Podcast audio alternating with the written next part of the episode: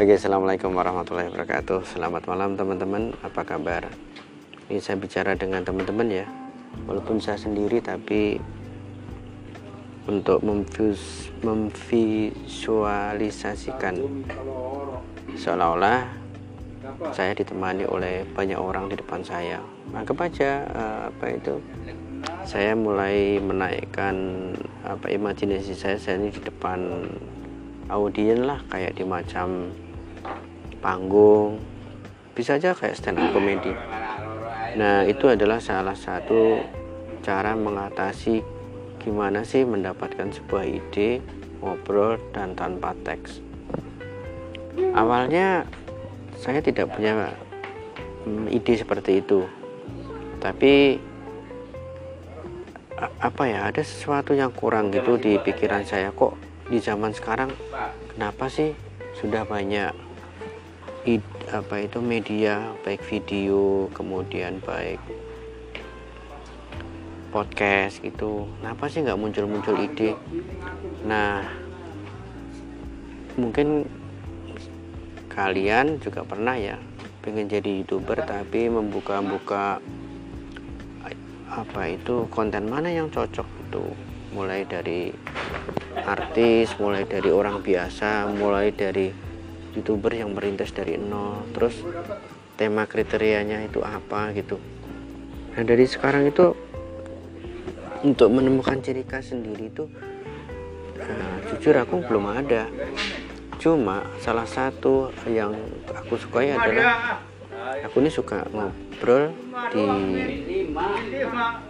di mana aja karena aku orangnya sanguin gitu. Jadi karakterku itu adalah orang yang suka ngobrol kepada semua aja. Intinya sih suka kenalan suka dengan hal-hal yang baru. Terus hubungannya dengan podcast apa? Aku pernah membuat podcast ini sudah serialnya maksudnya udah pertama kali kenal itu udah setahun yang lalu. Tapi nggak bikin-bikin malah uh, sekali itu hilang cuma disimpan di anchor ya. Di ancor tuh. Nah setelah itu nggak dikembangkan lagi. Cuma latihan hanya lima menit atau latihan tiga menit. Setelah itu nggak dicoba lagi. Nah tak pikir-pikir saya yo. Sekarang yo saatnya lah bicara. Namun uh, saya yakin semua orang mendengarkan pengen yang lucu kemudian ada kontennya yang ada message pesannya yang baik. Kalaupun ada konten yang rusuh itu sebenarnya hanya sebuah cara untuk mengingatkan kepada teman-teman bahwa hal yang lucu itu pernah dialami dan mungkin tidak ingin diulang lagi ya. Nah ini temanya masih pada kenapa aku mau melanjutkan di podcast. Pertama ini ketika saat ini aku membuat ini sudah jam pukul berapa ya? Pukul 20 lebih 20 menit lah. Eh salah. 21 lebih 49 ya jam jam hampir jam 10 malam lah kalau bahasanya. Artinya ide itu munculnya bisa kapan saja. Bisa saat ini bisa nanti. Oke lanjut lagi ya. Ini baru tiga menit. Ya kalau bicara hanya semacam itu menurutku sih terlalu pendek ya. Ngobrol di podcast itu sebenarnya unlimited. Ya menarik tidaknya itu kan tergantung dari konten dan pembawaannya. Kalau konten itu kan kadang berpengaruh dari background di mana ia tinggal, di mana ia bekerja, di mana ia bersosialisasi dan di komunitasnya apa. Ini aja aku bisa ngobrol itu di depanku itu kan ada orang sedang apa ya main kartu di warung itu tapi dia nggak pakai uang lah. Dia kan just happy. Dan nggak usah uh, apa itu negatif thinking mereka melakukan itu. Karena mungkin sepulang kerja dia butuh teman ngobrol dan bermain untuk menghilangkan kepenatan. Tahu sendiri masa sekarang kan lagi masa iya sih mereka mainnya sambil pakai masker. Takut kalau ada Pak Lurah lewat atau Pak RT ditegur. Tapi oke okay lah. Karena pada dasarnya manusia itu adalah makhluk sosial men. Disuruh mengurung di dalam rumah terus-terusan gitu kayaknya pusing juga. Kenapa sih karena dia juga pengen ketemu orang walaupun dengan keluarganya sendiri kan. Hmm, enggak enggak enggak lengkap gitu. Dia harus butuh bersosialisasi dengan tetangga dengan teman sejawatnya gitu. Walaupun melalui medsos sih oke okay, tapi enggak alami gitu. Naturalnya kan tetap ketemu di depan mata gitu. Nah terus hal-hal yang sifatnya tadi untuk membuat atau tergerak bikin podcast adalah pengen menyuarakan sesuatu ide gitu. Pernah aku berpikir juga sih sebenarnya ide simultan simultan itu ada cuma kelemahanku itu adalah aku nggak pernah mencatatnya. Misalkan di dalam podcast itu mau bikin spesifik tentang masalah pendidikan kebetulan kan aku nggak jauh dari dunia apa itu pendidikan begitu. Yang diangkat sebenarnya bukan masalah pelajaran kalau menurutku sih uh, dari dunia kerja guru dan dunia kerja apa uh, murid kemudian uh, bedanya negeri dan swasta itu perasaannya gimana. Yang sifatnya tidak teori lah. Sifatnya sesuai dengan pengalaman aja. Sejauh mana sih? Hmm, misalkan seorang guru itu pernah mengenal siswa-siswanya baik uh, yang sudah pindah ke negeri atau si guru itu mengajar di sekolah swasta. Itu cuma salah satu contoh teman. Tapi uh, menggunakan podcast itu menurutku sekarang adalah apa ya seperti ingat kepada zaman dulu.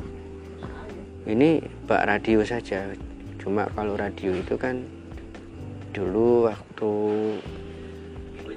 ya sekarang jarang ya anak mendengarkan radio. Jadi teman-teman yang lahir sekitar tahun 75an ke atas lah ya. Atau sebelumnya pun bahwa radio itu peranannya lebih dahulu karena ditemukan baru audio visualnya itu belakangan. Telegram kemudian pengeras suara radio transmit transmitter ya. Nah radio itu dikenal ketika aku masih kecil pun dijadikan sebagai alat iklan. Kalau di Jawa ketika di daerah di sekitar uh, kabupaten ya di Wonogiri itu apa itu dijadikan iklan? Dulu kebanyakan iklan obat baik jamu sama kebanyakan dulu obatnya. Nggak tahu ya apakah zaman dulu itu orang pada sakit pegelinu kayak encok sembarang begitu. Baru setelah itu batu baterai. Kalau nggak salah cap ABC ya. Baru itu semacam makanan kayak super mie gitu. Ya balik lagi ke uh, topik itu. Kenapa aku harus di podcast? Ya mungkin tidak semua orang punya kesempatan melihat misalkan orang sambil nyetir mobil melihat YouTube kan kan nggak bisa menikmati. Tapi kalau mendengarkan podcast malam begini banyak uh, ada driver bis kemudian sopir uh, pribadi sopir dinas atau pulang kerja malam bisa mendengarkan uh, podcast. Cuma yang paling yang paling uh, menurutku sih bagi seorang podcaster ya.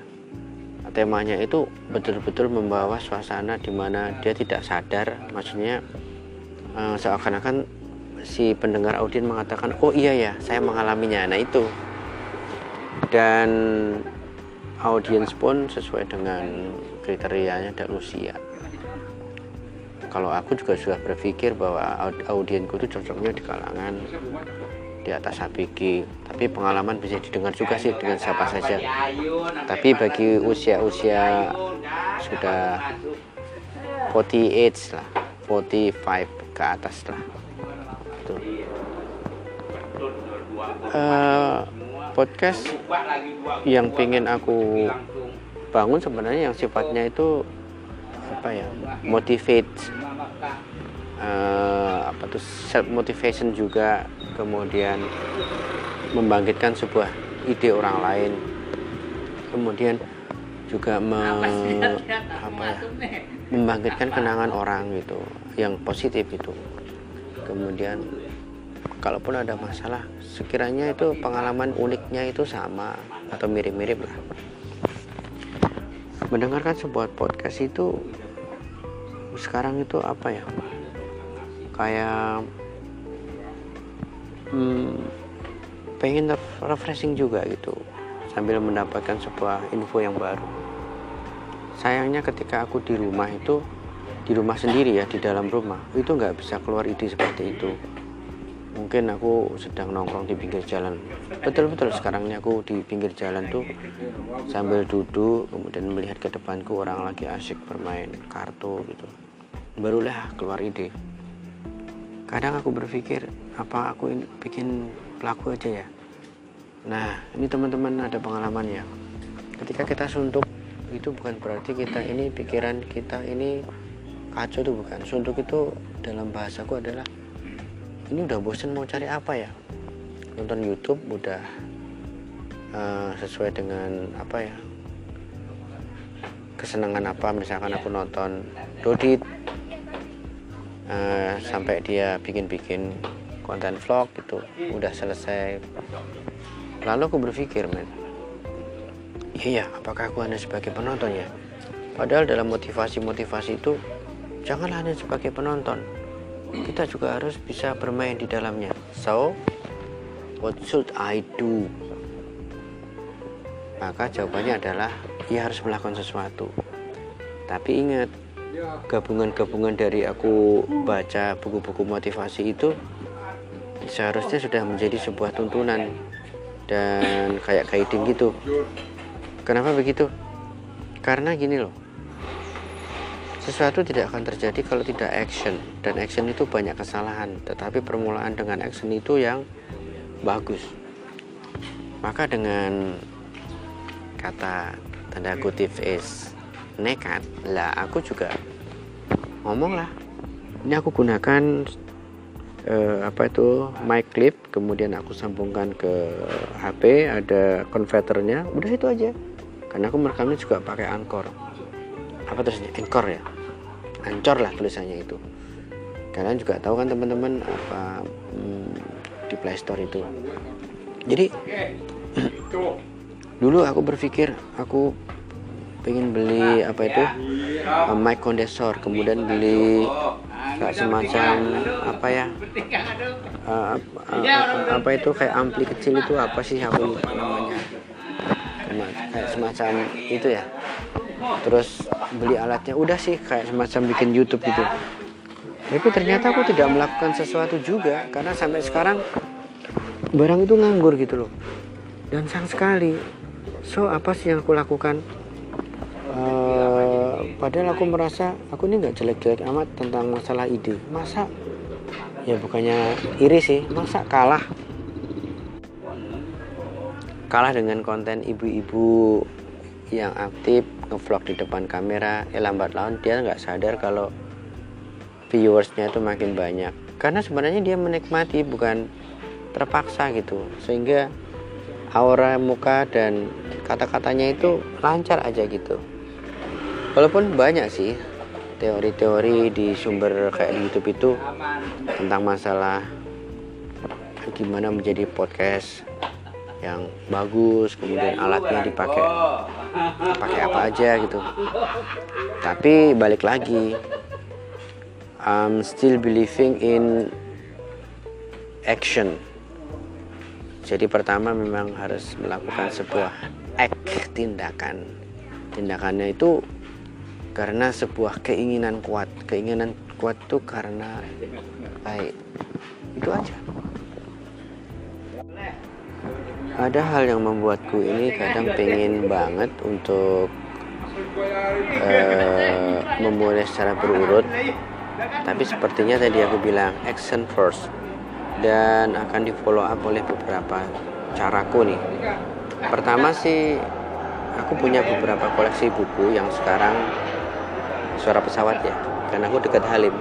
Jadi ada suara pesawat mau landing di Halim Perdana Kusuma. Entah itu pesawat angkatan atau bukan aku nggak tahu. Kita teruskan teman-teman. So apa itu? Bicara kalau mau ada kontennya ya mestinya baca buku ya. Ada beberapa buku yang uh, passion untuk aku baca itu hal yang sifatnya self motivation dan uh, entrepreneur. Aku tidak begitu suka masalah puisi atau poem atau poetry atau hal yang bersifat filsafat itu karena aku pikir kenapa aku suka entrepreneur mungkin barangkali aku yang belum masuk full di dunia bisnis.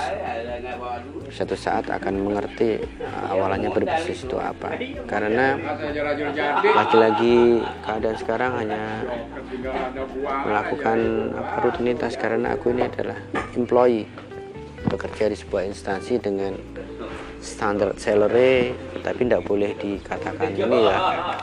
Oh, apa itu? Asalnya ya harus disyukuri lah jangan jangan bersifatnya itu apa itu komplain itu atau mengeluh. Lebih baik disyukuri. Dan kekuatan utama membuat podcast itu di mindset. Judul iya tapi kekuatan kata-kata kemudian pilihan kata dictionnya itu uh, menentukan juga. Uh, karena tujuanku adalah just sharing hmm, tetapi ada sebuah value juga. Terus melatih diri itu lancar berbicara. Dan kekurangan-kekurangan itu nanti akan terlihat. Menurutku sih begitu. Dan kenapa aku memilih uh, anchor sebagai alat untuk merekam? Ya lagi-lagi karena aku kurang menguasai di apa ya uh, laptop komputer pakai PC gitu lagian juga budgetingnya cuma seperti itu nggak bisa memenuhi. Maka aku berpikir aku gunakan HP aja. Kebetulan ini ada Samsung A6 Plus yang sudah lunas kreditnya itu kira-kira ya dua tahun yang lalu lah tapi masih bagus. Karena aku memeliharanya dengan seperti memelihara sepeda motor. Artinya sampah-sampah aku bersihkan. Ketika penuh aku pindahkan filenya. Terutama itu tuh uh, video. Walaupun di sini ada seabrek apa itu? Play Store aplikasi. Kadang-kadang aku harus harus buang. Walaupun menurutku itu berguna karena masalahnya tadi uh, filenya penuh. Nah teman-teman kalau ada waktu mungkin teman bisa juga melakukan podcast. Karena podcast ini ketika didengarkan di tempat yang gelap sambil apa merenung itu adalah salah satu bahan untuk memperkaya diri. Artinya memperkaya pikiran memperkaya wawasan itu. Wawasan apakah harus membaca? Menurutku iya tapi tidak harus hmm, wawasan itu bisa dengan pendengaran. Dan kayaknya mendengar itu adalah salah satu hmm, hal yang penting. Saya pernah uh, mendapatkan sebuah semacam sesuatu yang harus dilatih. Listening itu powerful. Uh, bila kita membiasakan. Begini loh pernah ya teman-teman aku tuh mendapatkan sebuah apa uh, pesan dari seorang motivator lah. Mungkin karena dulu aku juga berteman juga sama teman-teman sebuah marketing itu jadi kalau kita mau mendapatkan sebuah perhatian dari orang maka berikanlah waktu sebagian besar itu sebagai pendengar. kalau kita terlalu talk aktif tanpa mau mendengarkan orang lain maka orang lain itu uh, merasa kurang diperhatikan. Kenapa? Karena tanda-tandanya orang perhatikan adalah kita banyak mendengar dari yang mereka katakan. Kalau kita mengatakan atau menguasai lebih banyak bicara walaupun kata kita ini bagus dan powerful kesannya tidak akan masuk. Dan itu seperti menggurui. Lebih baik jadikanlah pendengar pertama barulah kita bicara. Kalau bisa dengarkan sekuat-kuatnya sampai orang itu habis atau tidak ada yang dikatakan lagi. Oke balik lagi ke podcast. Hmm, aku coba untuk mulai selalu apa ya berpikir bahwa dari sini aku terus mm, memproduksi podcast-podcast yang mungkin teman-teman akan mempertimbangkannya untuk selalu mengikutinya. Jadi ya podcast itu tidak harus perfect menurutku. Pertama memang curhatan aja lah. Lagian juga teman-teman yang pemula akan mengalami tapi tidak seburuk ini sepertinya. Ini teman-teman ternyata aku nggak nggak sadar aku ngobrol di 21 menit 23 detik. Aku sekarang kan tanpa teks juga tapi aku mencoba mengingat-ingat pengalaman-pengalamanku tuh.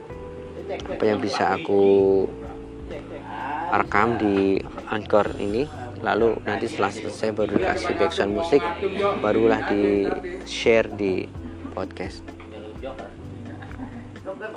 Pengalaman-pengalaman itu menurutku lebih uh, powerful ya. Ya sesuai passion dan perjalanan hidupnya. Hmm, bicara masalah impian ada satu atau satu lagi motivator itu bilang begini kalau kamu punya impian jangan diamkan. Impianmu itu katakan kepada setiap orang yang kamu temui. Contoh.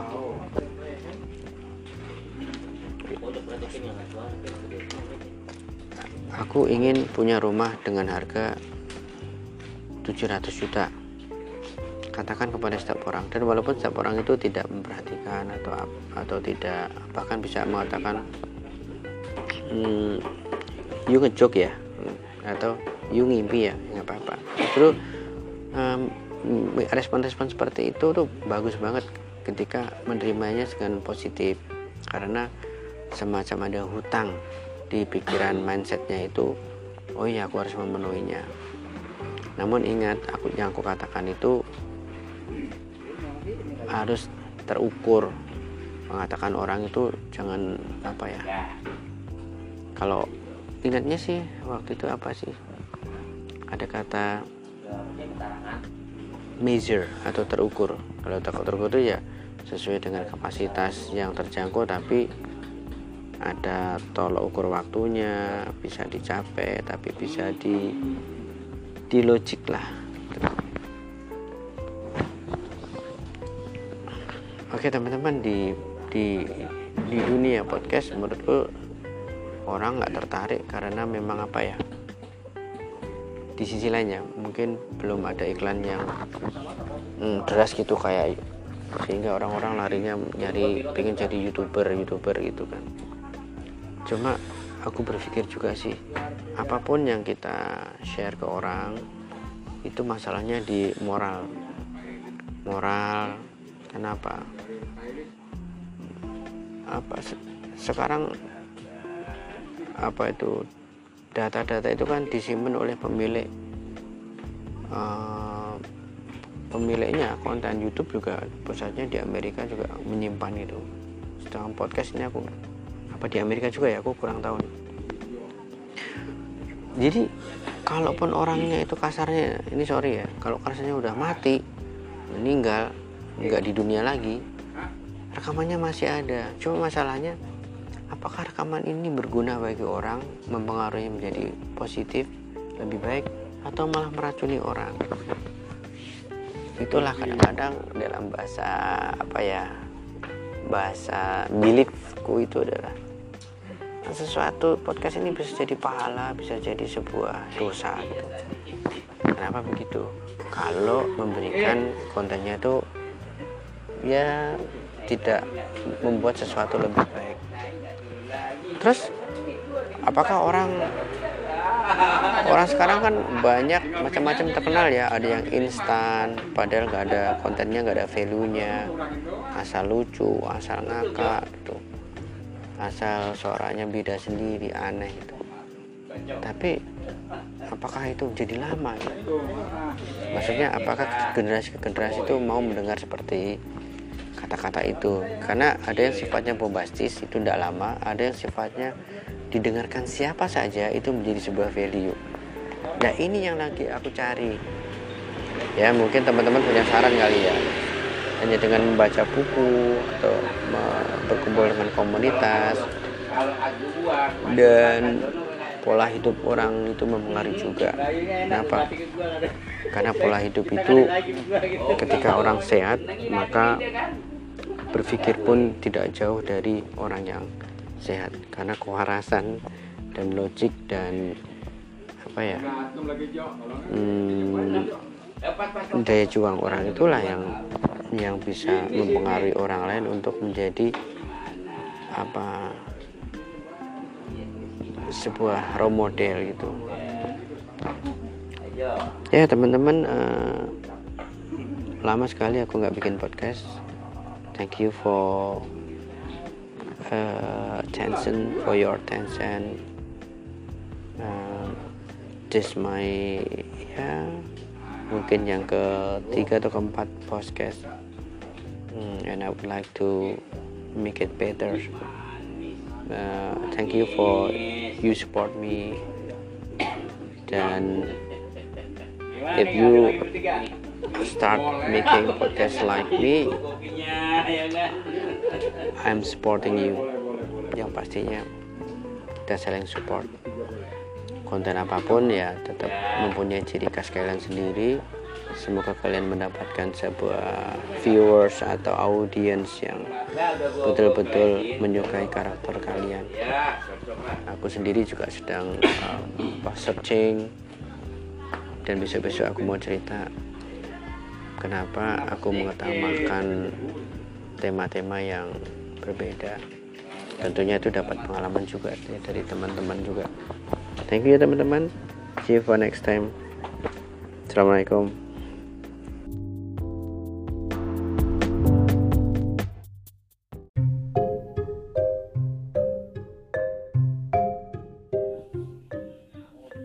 Halo, selamat malam. Assalamualaikum warahmatullahi wabarakatuh.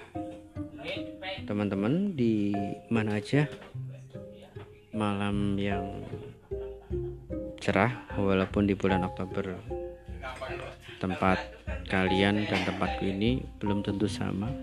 Mungkin ada yang hujan ada yang kegerahan dan aku mulainya sepertinya setengah gerah karena aku mengambil hmm, apa ada saat ini rekaman podcast itu ya tadi deket sama orang-orang sedang bermain kartu. Tapi tidak judi loh ya. Mereka mungkin sudah penat dengan pekerjaan dan melakukan hal yang happy yang menurut passion mereka itu bisa apa menghancurkan melenyapkan kepenatan dan capek-capek. Baik teman-teman eh, aku mau mengatakan sesuatu yaitu sebuah statement Eh, ketika di sebuah tempat pekerjaan di mana itu tempat berkarir dan ingin berkembang tetapi terhambat oleh orang atau ya lebih baik orang yang punya policy. Karena memang sifatnya stagnan atau mandek dalam bahasa Jawanya ya tidak ke mana-mana gitu. Ini menurut aku pernah aku alami. Ya mungkin sedang aku alami. Jadi ketika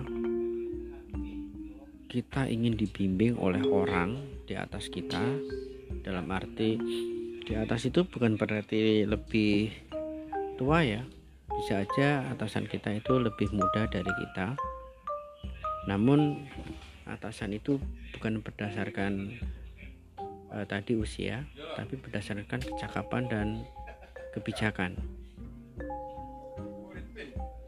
Itu harapan yang baik.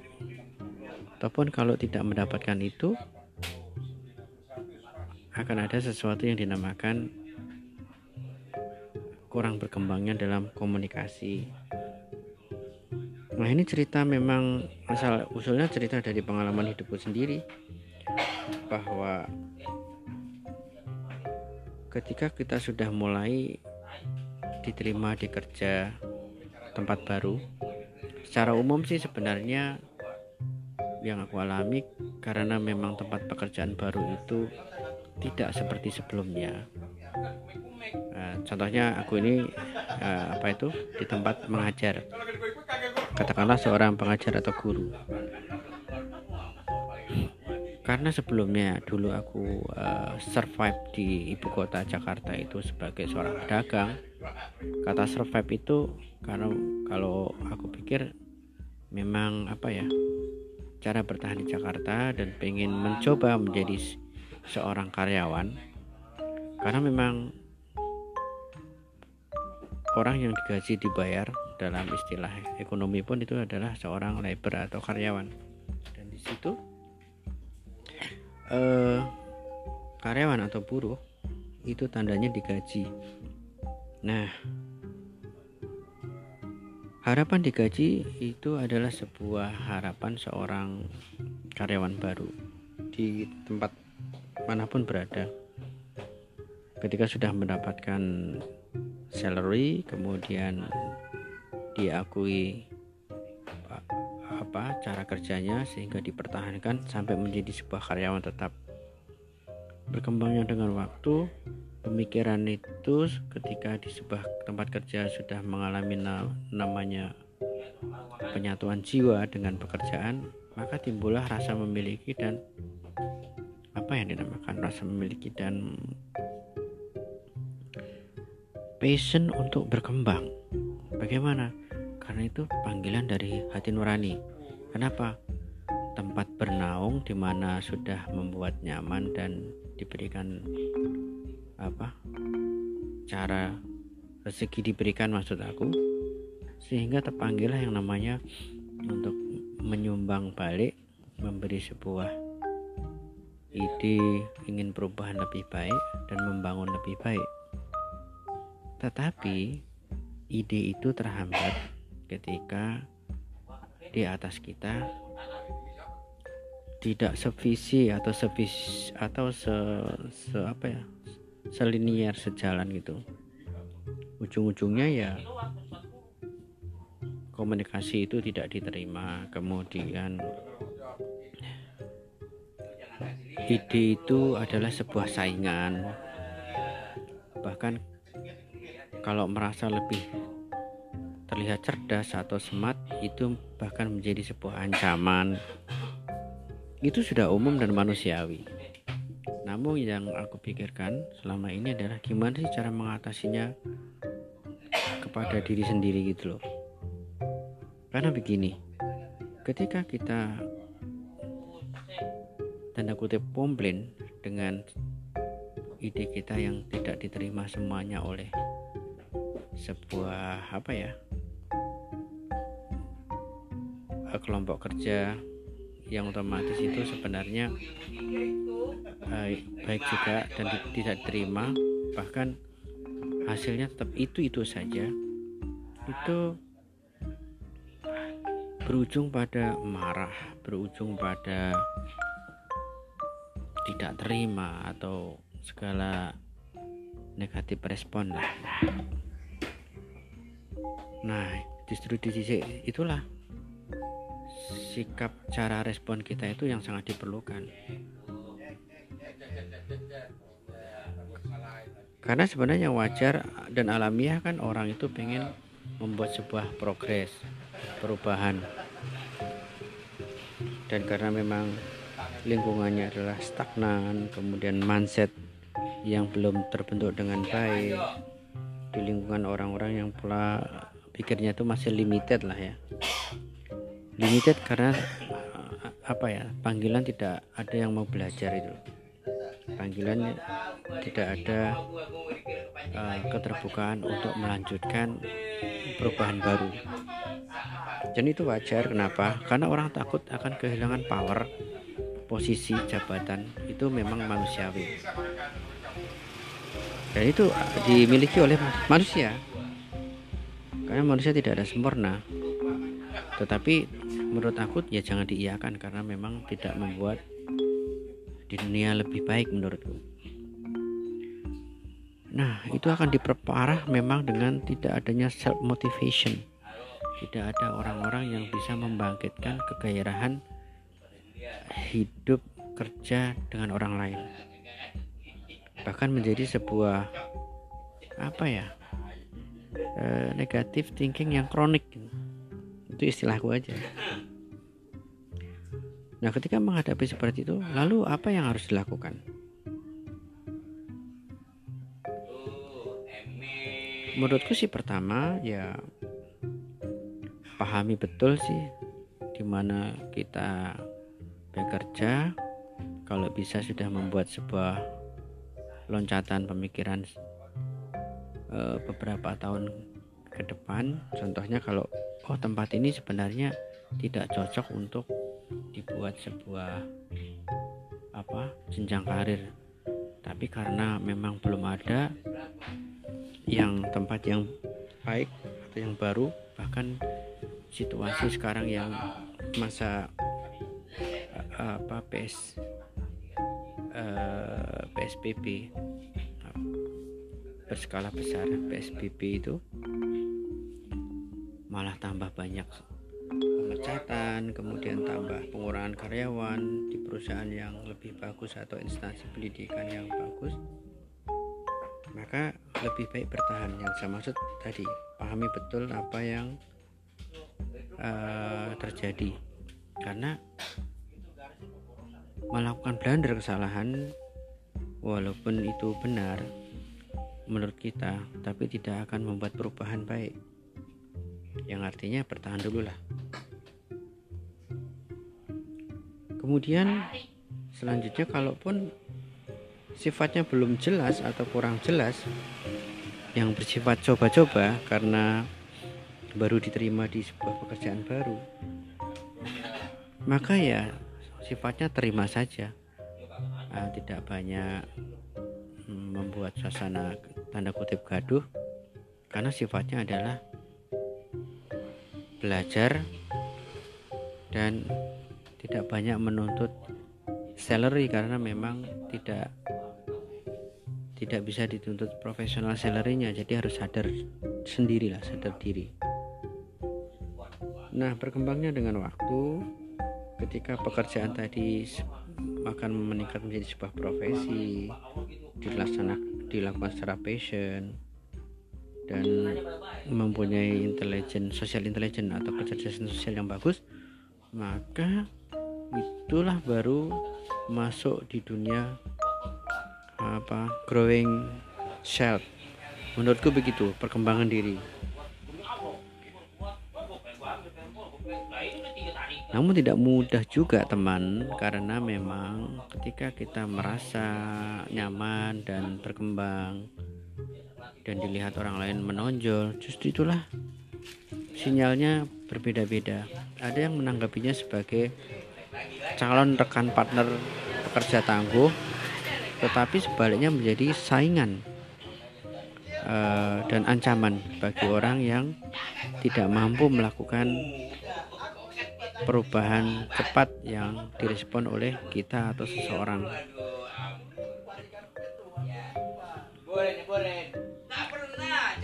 Nah, dari situ kita tahu bahwa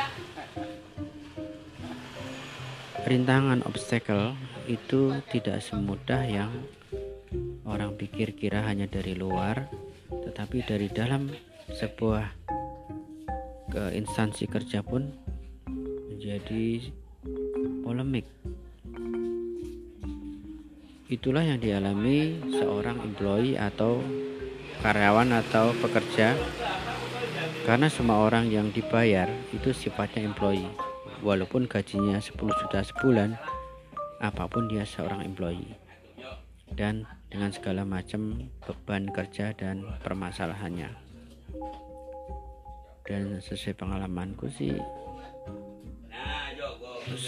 semua pekerjaan menjadi lancar atau tidak adalah di level komunikasi. Ketika komunikasi tidak lancar dalam proses memberi dan diminta untuk informasi, di situlah mulai tersendatnya sebuah ide dan pola kerja. Itulah teman-teman pengalamanku dan bicaraku tidak selalu apa ya teori dari buku karena aku hanya belajar dari pengalaman. For next I'm trying to give you uh, my experience uh, dengan teori yang ada di buku. Oke teman-teman kiranya cukup itu pengalaman yang bisa aku bagi karena tadi aku dapatkan sebuah ide itu ketika aku naik motor dan tiba-tiba uh, di benakku harus aku catat segera. Kalau enggak hilang. Makanya aku langsung minggir. Aku catat dulu di HP terus aku bilang di benakku nanti aku akan uh, share cerita ini. Cuma kayaknya sudah uh, malam dan posisinya itu tadi aku mau bikin podcast. Ada tamu yaitu ada mekanik yang memperbaiki motor sehingga baru selesai apa itu? Dan untung ada kopi sehingga membuatku lebih tenang. Dan aku bisa membuat rekam ini sampai teman-teman bisa dengar dan selesai di malam ini. Thank you banget ya telah dengerin podcast aku. Sampai ketemu lagi teman-teman. See you. Assalamualaikum warahmatullahi wabarakatuh